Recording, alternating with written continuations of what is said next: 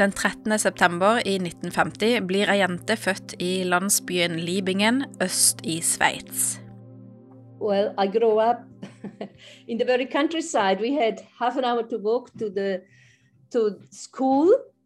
I grew up on a small farm as the second oldest of nine children. Pia Holnestein vokser opp på en gård med fem brødre, tre søstre, mor, far og bestemor. I dag er Pia 71 år, pensjonist, fjellklatrer og klimaaktivist.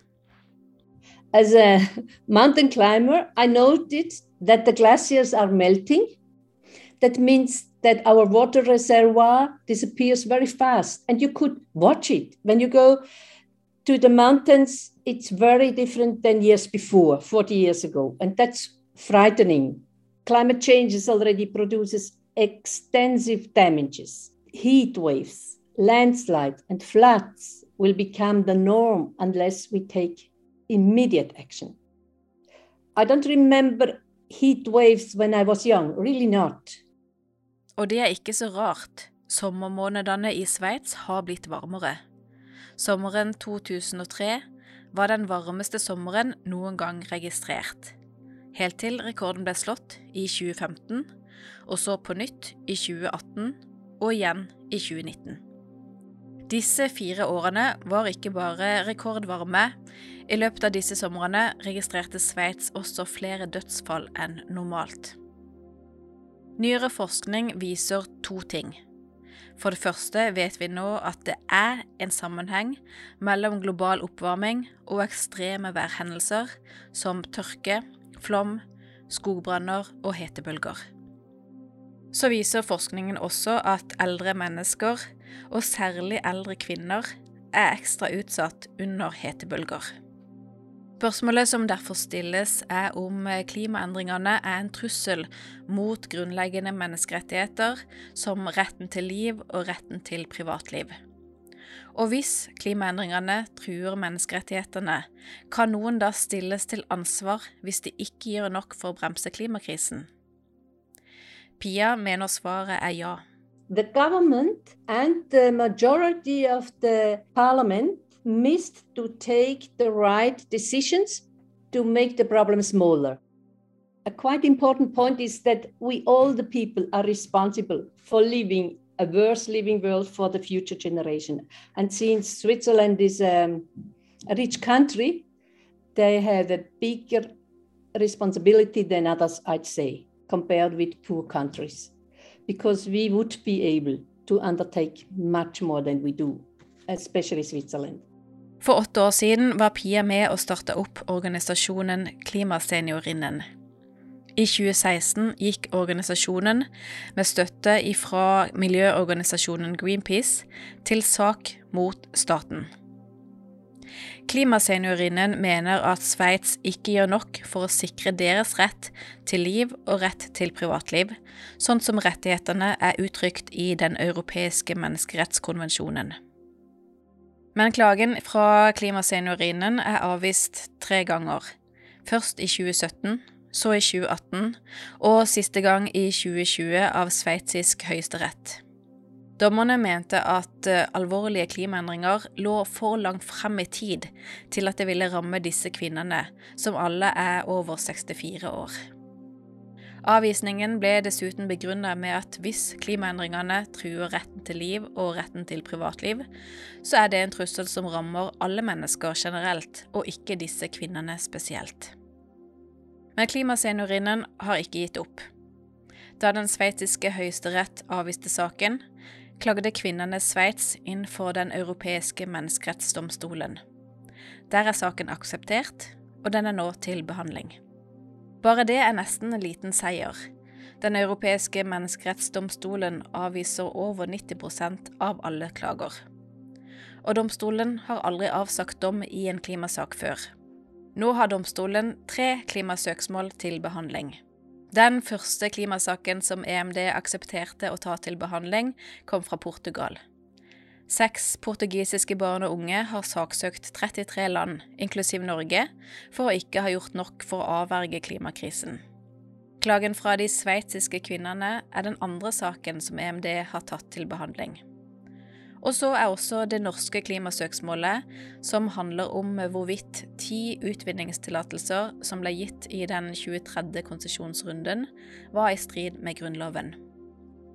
Både saken fra Portugal og saken fra klimasenorinen i Sveits er gitt høyeste prioritet. De hastebehandles.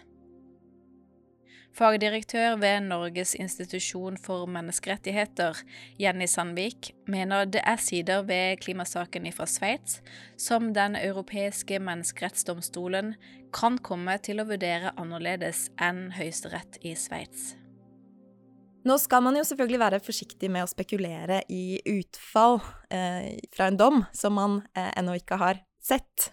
Eh, men jeg vil jo tro, hvis jeg likevel skal driste meg til å si noen ting, at, at EMD eh, antagelig vil kunne ta saken til realitetsbehandling, nettopp fordi den har vært gjennom de nasjonale domstolene, og det er ikke uavklarte spørsmål med hensyn til jurisdiksjon her.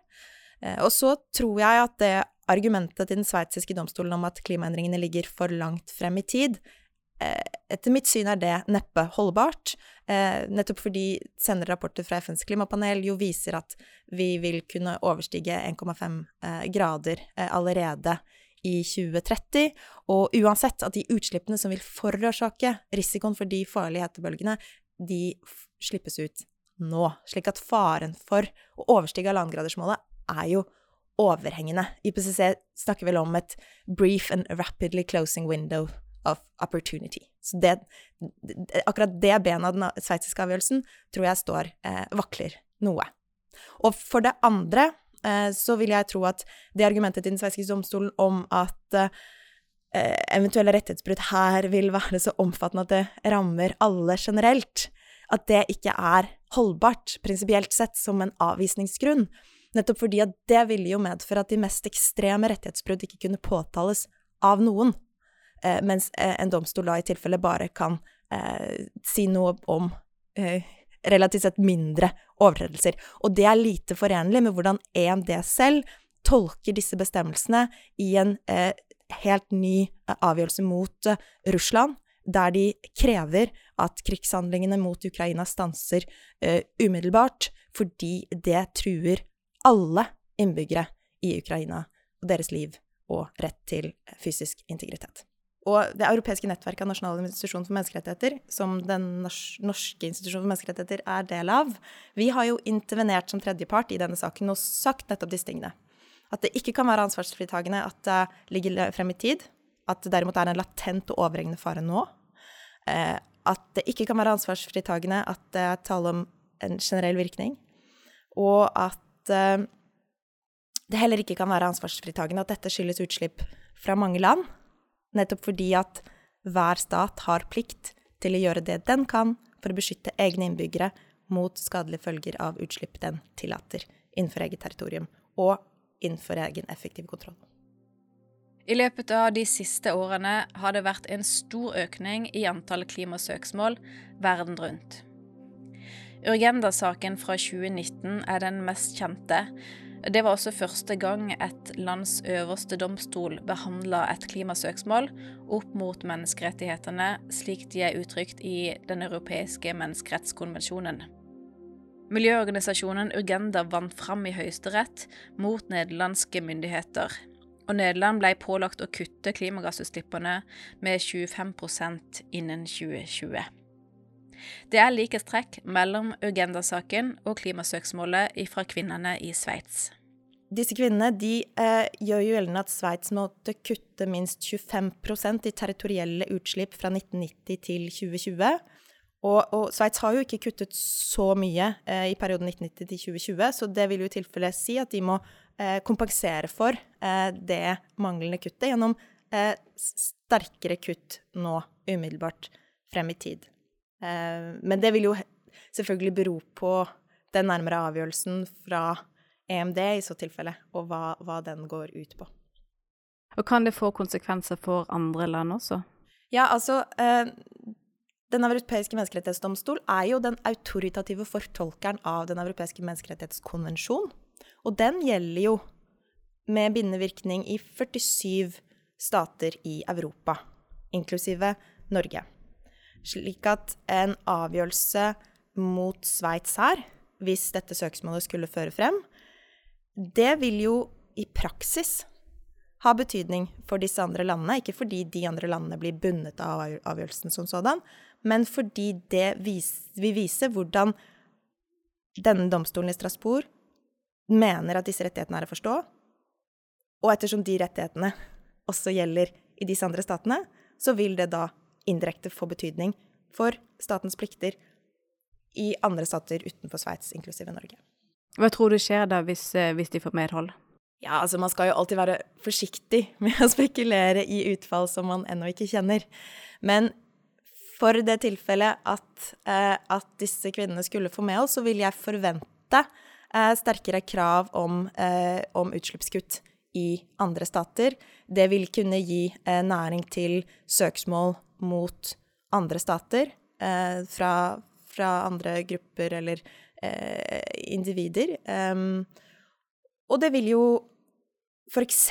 kunne sette press på Norge, som kun kuttet 4,2% i territorielle utslipp i den relevante perioden, eh, med krav om å kutte mer fremover.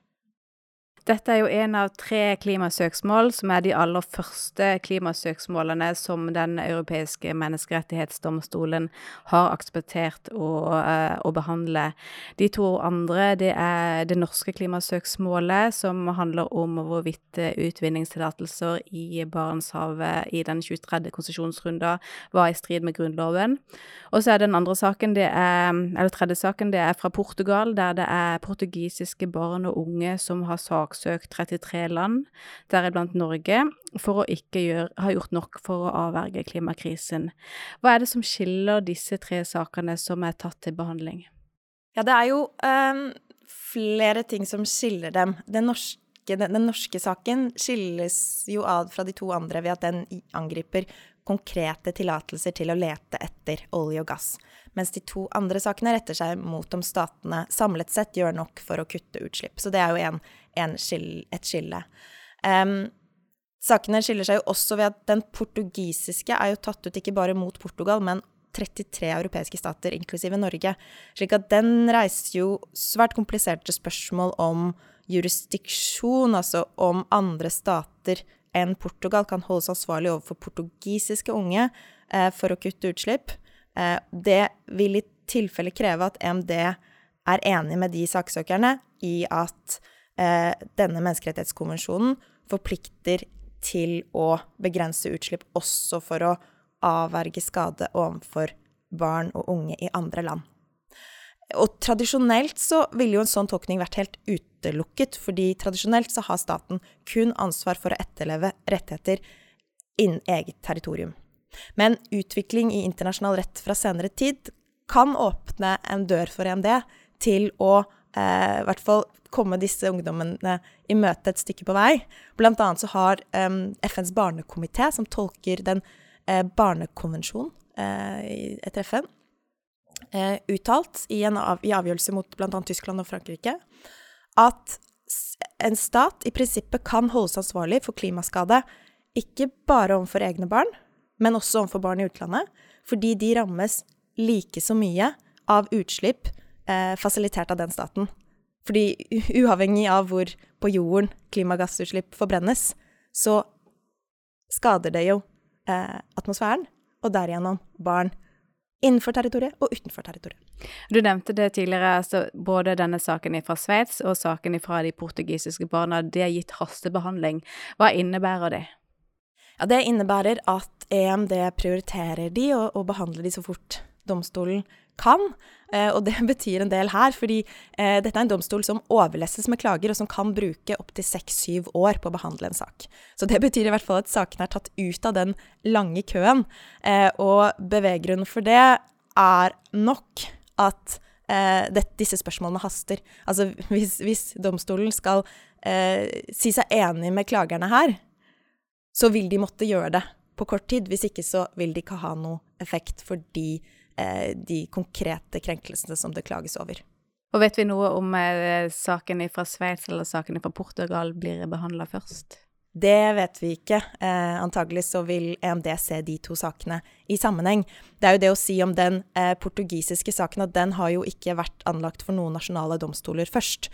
Eh, sånn at, og, og, det er et, vanligvis et vilkår for å ta en sak til Menneskerettighetsdomstolen i Strasbourg, at man først har forsøkt, i hvert fall, å, å bringe saken for nasjonale domstoler, fordi nasjonalstaten skal i første rekke ha ansvar for å eh, etterleve eh, menneskerettighetskonvensjonen og i første rekke forsøke å adressere det. Slik at hvis man eh, hopper utenom de nasjonale domstolene, så er det i utgangspunktet sånn at, at, eh, at domstolen i Strasbourg skal avvise det. Men det at, at, at uh, EMD altså foreløpig behandler denne saken, kan jo tilsi at de, de kan uh, se litt annerledes på det. De portugisiske barn og ungene de, de sier jo at uh, vi, vi, vil ikke kunne bringe dette søksmålet for 33 stater. Vi snakker ikke alle de språkene. Det vil være altfor dyrt, og det vil ta altfor lang tid. Og det vil antagelig også uansett bli avvist. Um, så det kan jo hende at MD er med på det. Men samtidig så er det klart at den saken reiser jo spørsmål om Altså, det er jo et, et, et spørsmål om hvor hvilken, er, er, de portugisiske klageren egentlig i posisjon til å meningsfullt um, motsi uh, det disse ulike statene sier om hva de gjør og ikke gjør på klimaområdet? Uh, er det i det hele tatt et saksanlegg som gir EMD et godt nok avgjørelsesgrunnlag da, for å si noe om tilstrekkeligheten av utslippskutt i andre stater enn en, en Portugal. Så dette her er jo vanskelige spørsmål som EMD må, må finne ut av. Eh, personlig så har jeg nok eh, størst tro på at MD vil eh, avsi en eh, realitetsavgjørelse, altså at de vil ta stilling til substansen i klagen i den sveitsiske saken eh, først. Eh, nettopp fordi at den har vært gjennom de nasjonale prosessene først ikke reiser alle disse vanskelige spørsmålene om jurisdiksjon, er litt mer sånn rett frem, selv om spørsmålene selvfølgelig er, er nye og, og, og, i seg selv krevende for domstolen. Og hvor, viktig er EMD, og hvor avgjørende er det hva de faller ned på i disse sakene i forhold til rettsutviklingen? Ja, det blir eh, kjempeviktig. Fordi, som jeg sa, så er det jo EMD som har siste ord når det gjelder tolkningen av EMK. Og det er jo nettopp EMK, denne menneskerettighetskonvensjonen, som den nederlandske høyesterett har bygget på, og som den tyske forfatningsdomstolen indirekte har bygget på, når de har lagt til grunn at det ikke kan være tvilsomt at retten til liv og fysisk integritet og helse forplikter statene til å kutte utslipp for å avverge farlige klimaendringer. Eh, slik at EMDs avgjørelse her eh, vil jo autoritativt avklare anvendelsen av disse rettighetene. Eh, så det er jo på sett og vis de avgjørelsene nå som nå står til prøve.